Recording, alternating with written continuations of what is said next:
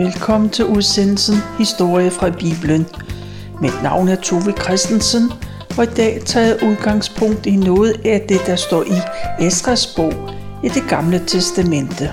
I år 587 f.Kr. der indtog kong Nebuchadnezzar Jerusalem. Han ødelagde både byen og templet. Og de jøder, der ikke blev dræbt, de blev sendt i eksil i Babylon. Kun ganske få af de fattigste de blev tilbage i Jerusalem og omegn. Israelitterne havde ikke noget land. De havde ikke noget tempel, hvor de kunne tilbe Gud Herren. Israelitterne var enkeltpersoner, der var knyttet sammen gennem deres tro, deres kultur og deres fælles historie. Man kalder dem ofte for judæer, for det var stort set kun judastammen, der havde overlevet. Judariget, der havde Jerusalem til hovedstad. Det blev kaldt judæerne eller jøder, som man siger på dansk. Og det er det navn, jeg vil bruge i denne udsendelse, også selvom det måske er politisk ukorrekt i dag. Jøderne, der boede i Babylon, de måtte følge landets love, men alligevel blev de ikke helt tilpasset. Mange holdt fast i deres egen religiøse kultur, i deres sprog og i længselen efter deres hjemland. De lod sig ikke påvirke af de babyloniske afguder og deres levevis. De drømte om den dag, de kunne vende tilbage til deres eget land. Og det havde de fået lovning på, for allerede da de boede i Judariget, der forudsagde profeterne af Jerusalem og Judæa, det skulle blive ødelagt og ligge uopdyrket hen i 70 år. Mange år før jøderne blev bortført til Babylon, der forudsag profeten Esajas, at kong Kyros ville tillade jøderne at vende tilbage til Jerusalem, og de skulle genopbygge både templet og byen. Daniel var en gammel mand, da kong Kyros indtog Babylon, og det blev til en del af Perseriet. Selvom han var gammel, så var han en betydningsfuld mand. Det kan godt tænkes, at det var ham, der en dag viste kong Kyros, at hans navn stod nævnt i en bogrulle med Esajas' profetier. Og det kan have rørt ham så dybt i hjertet, at han blev venlig stemt over for jøderne.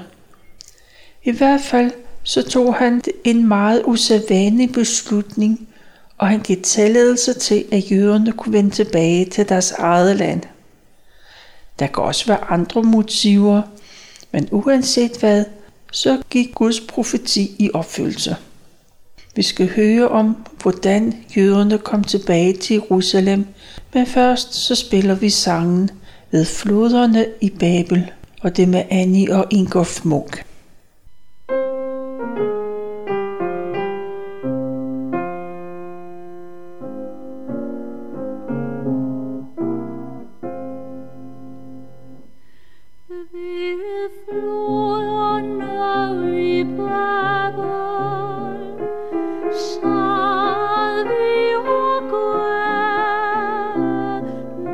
是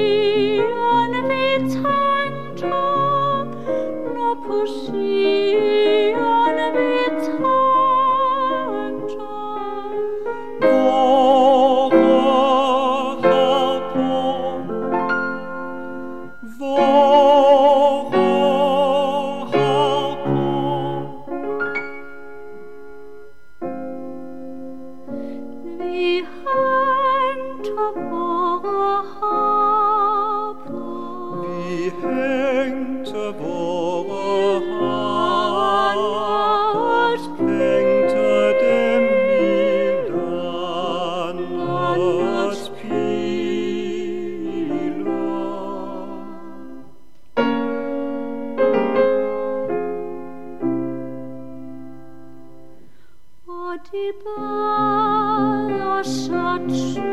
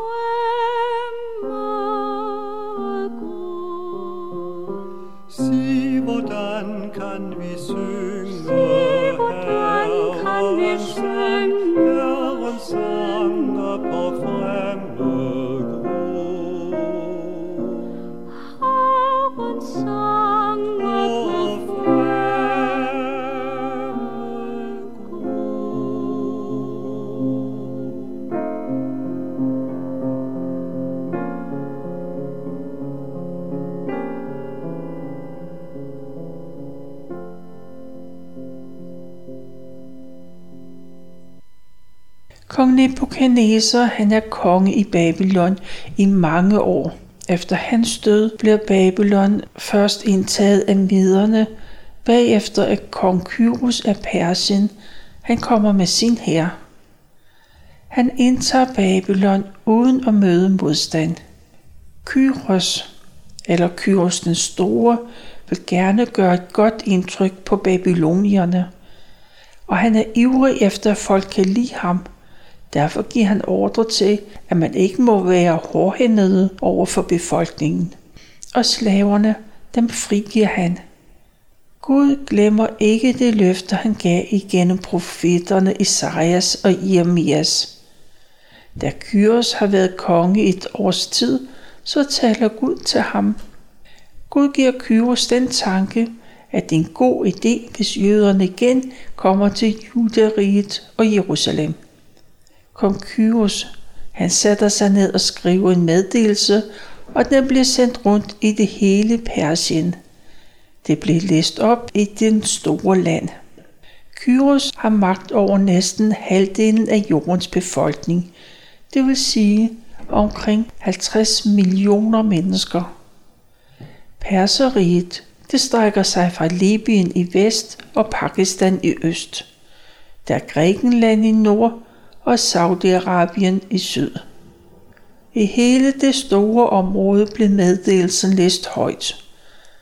Kong Kyros af Persien, han indleder sit brev med at skrive, at han er helt klar over, at det er himlens Gud, der har givet ham herredømmet over så stort et land. Og Gud har pålagt ham, at templet i Jerusalem skal genopbygges. Alle jøder kan derfor frit vende tilbage til Jerusalem for at være med til at opbygge det ødelagte tempel. Gud Herren er Israels Gud, og han bør tilbedes i Jerusalem. Kyros er godt klar over, at templet er en stor og kostbar opgave. De fleste jøder er ganske almindelige mennesker, der lever fra dag til dag. Derfor skal de ikke rejse tomhændet og kong Kyros han forlanger af jødernes naboer, de skal give dem både sølv og guld og forsyninger nok, så de har til rejsen. De skal have husdyr, på både kø og får, de giver mælk og kød, og heste og kameler, det er lastdyr. De skal også have offergaver med, så de kan ofre til Gud, når templet står færdigt. Alt det skriver kong Kyros i sit brev. Jøderne har fået en stor håndstrækning og meget velvilje, men de står ikke i kø for at tage tilbage til det land, som de dårligt nok kender. At leve et sted i 70 år, det betyder, at man er knyttet bånd til det sted. Det er der, man har stiftet familie, man har set børn og børnebørn vokse op.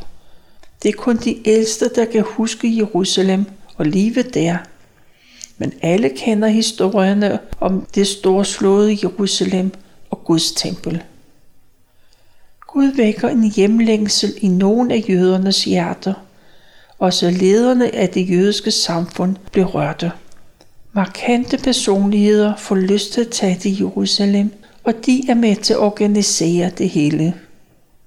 Jøder i hele landet gør sig klar til at tage den lange vej. De persiske naboer, de blev også venligt stemt over for jøderne, så at få både sølv og guld og alt muligt andet. Perserne tager deres konges befaling meget alvorligt. Kong Kyros befaler sin egen skatmester, at han skal gå ned i det store skatkammer, og der skal han hente Jerusalems skatte. Det er de kostbarheder, som kong Nebuchadnezzar i sin tid tog med som krigsbytte fra templet i Jerusalem. I skatkammeret, der henter han over 5.000 genstande, de er lavet af guld og sølv, og der er flere århundrede gamle kunsthåndværk. De er lavet af de dygtigste kunstnere. Det skal alt sammen med til Jerusalem. Man tæller dem, der har samlet sig, og der er cirka 50.000 mænd.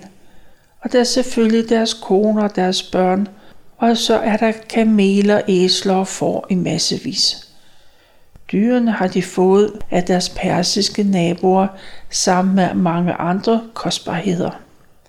Jøderne de begynder på deres rejse, og de har over 1000 km foran sig. Efter den første dag, så må de have fået en vis rutine.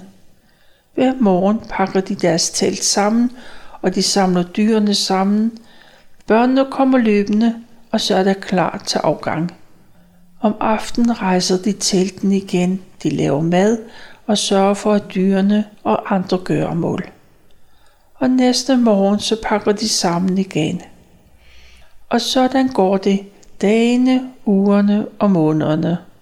En skønne dag har de nået målet, og de er i Jerusalem. Men der møder dem et sørgeligt syn. Alt ligger i ruiner. Alle huse er ødelagt. Der er store huller i bymuren, og både templet og paladset er væk.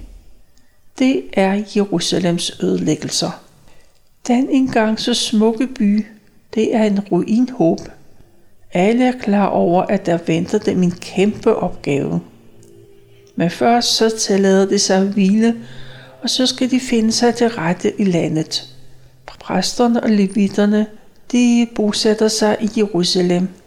De andre tager til de byer, de oprindeligt kom fra. Men på den aftalte dag, så mødes man i Jerusalem. Man er klar over, at det kan blive farligt, for dem, der allerede bor i Jerusalems ruiner, de er ikke glade for de mange tilrejsende. Der har de boet i årtier, og de hilser ikke de hjemvendte velkommen tilbage. Jøderne er bange for deres reaktion, men det får dem ikke til at stoppe. Zerubabel og hans slægt, de bliver udpeget som ledere af byggeriet. De er klar, og det første man gør, det er at genopbygge brandofferaltret. Man bygger det på det sted, hvor det oprindeligt stod.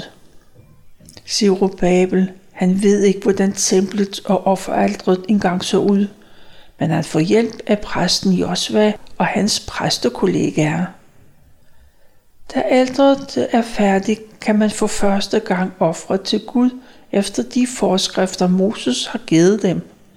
Før jøderne rejste fra Persien, så gav kong Kyros dem en fuldmagt, så de kunne ansætte stenhuggere og tømrere. De vil få løn for det arbejde. Zerubabel, han laver en aftale med folk i Tyros og Sidon, der hvor de store og kostbare sidertræer vokser. Og man indgår en byttelhandel. Jøderne får træ, Tyros og Sidon, de får madvarer og olivenolie.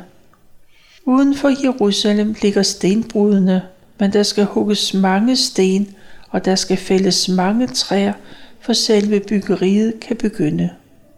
Det er først i det andet år, man er i Jerusalem, at man er klar til at bygge. Og byggeriet bliver organiseret, og man begynder at lægge fundamentet til templet. Og da det er færdigt, så tager præsterne deres præstedragt på, og de blæser i de hellige trompeter. De lovpriser Gud på den samme måde, som det blev gjort ved det første tempel. Hele folket de bryder ud i jubel. De synger lovsange, og de priser Gud, fordi grundvolden til templet er lagt. Der er mange, der jubler, fordi man er nået så langt. Men nogle af de gamle, de græder, for de kan huske Salomons imponerende tempel. Det er ikke til skældne, hvad der er gråd og hvad der er jubel. Støjen er så høj, at den kan høres langt væk. De folk, der har boet i Jerusalem længe, de er ikke glade for det, der sker. De er blevet jødernes fjender, og de henvender sig til byggelederen, til Zerubabel. De påstår, at de vil hjælpe med byggeriet, for de vil også dyrke Gud. Men Zerubabel takker nej, for jøderne skal selv bygge Guds tempel. Og det er også en opgave, som kong Kyros har givet dem. Det svar er fjenden ikke tilfreds med, og derfor prøver de at gøre jøderne så bange, at de stanser arbejdet. Og da det heller ikke virker, så bestikker de nogle af de jødiske ledere. Og det går bedre, og resultatet er, at byggeriet det bliver trukket i langdrag. Modstanden mod byggeriet er stor, og det er massivt. Tiden går, og der er stridigheder i al den tid, at Kyros han er konge i Persien. Xerxes, han er den næste konge i Persien. Og så regner jødernes fjender med, at de har en chance. De skriver et brev til deres nye konge, og de klager over Jerusalems genopbygning. Det brev er det første, men der bliver sat mange flere mellem Jerusalem og skiftende konger i Perseriet. Der går flere år, før man bliver enige. Det trækker ud, blandt andet fordi afstanden er så store. Jeg vil prøve at gengive brevenes indhold, som jeg ikke er helt sikker på rækkefølgen, så vil jeg prøve. Først skriver jødernes fjender til Persiens konge. De gør ham opmærksom på, at jøderne de er ved at genopbygge Jerusalem.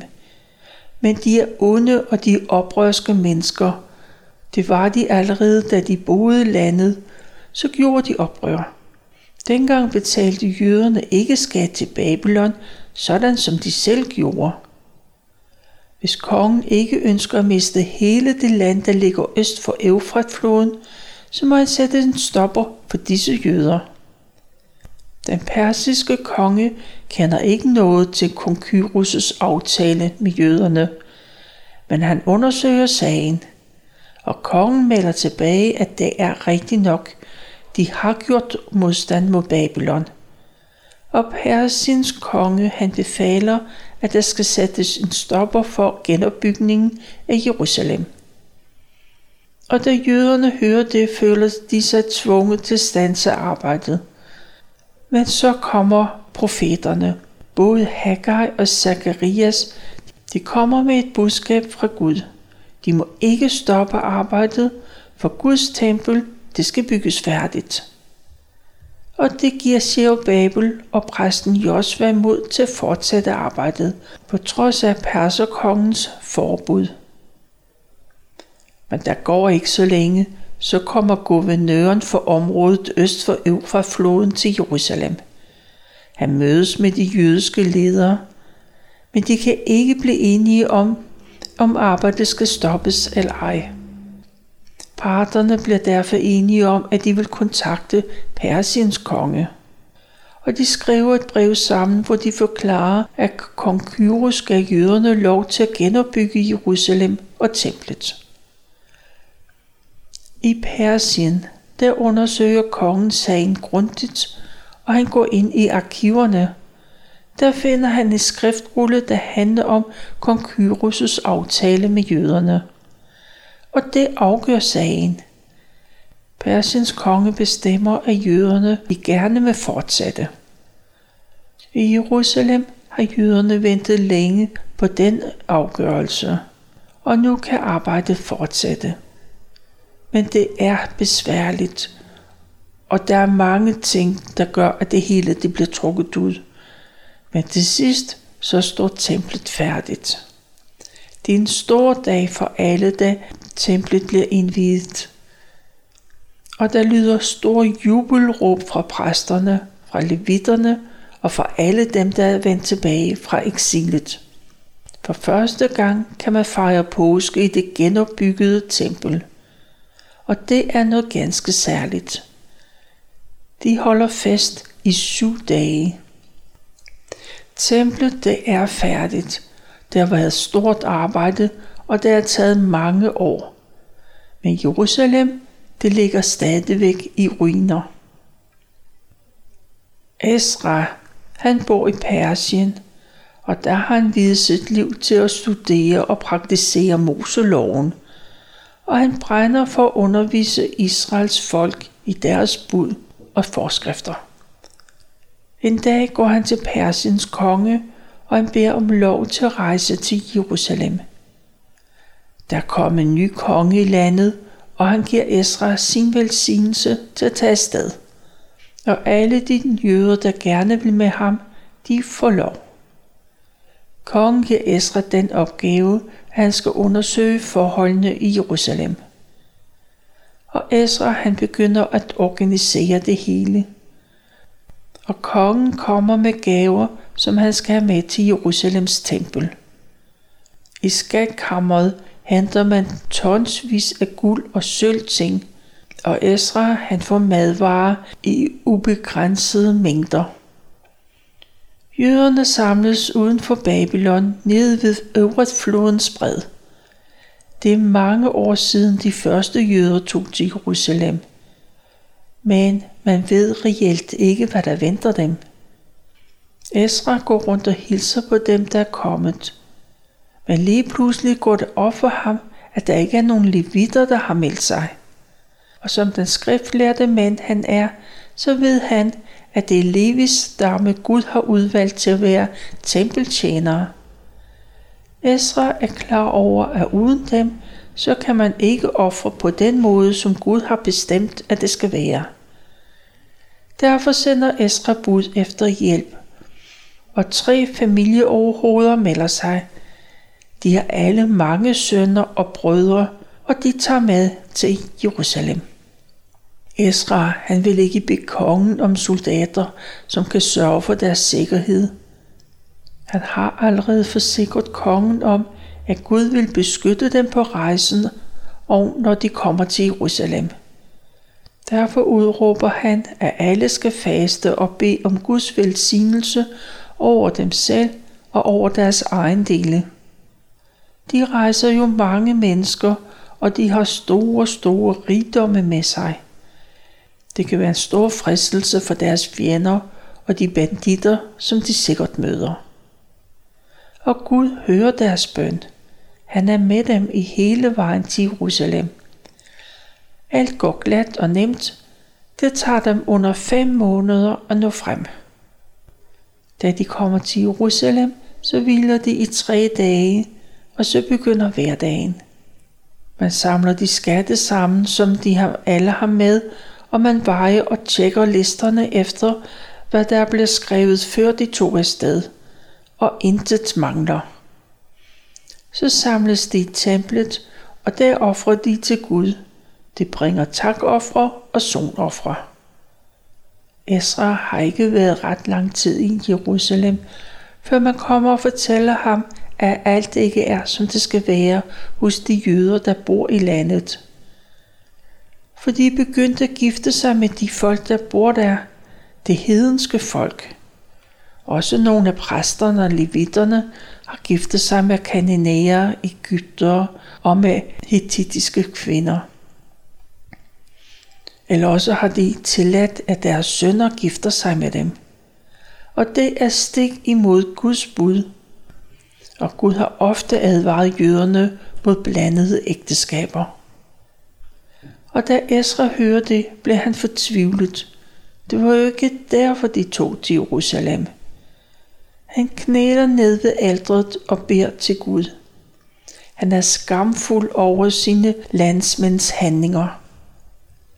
Og imens Esra beder til Gud, så samler folk sig omkring ham.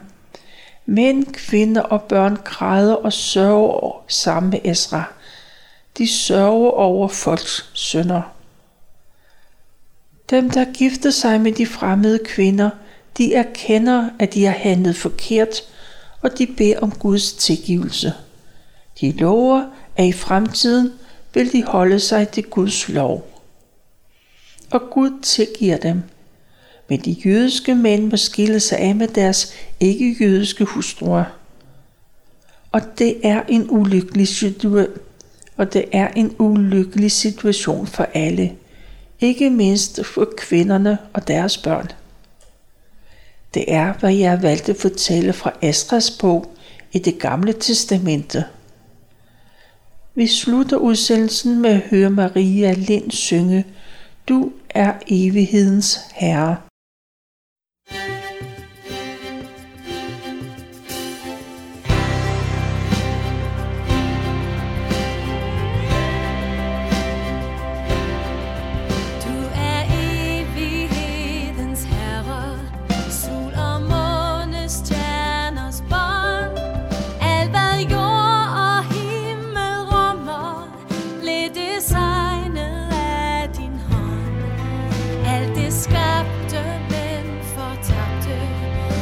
All.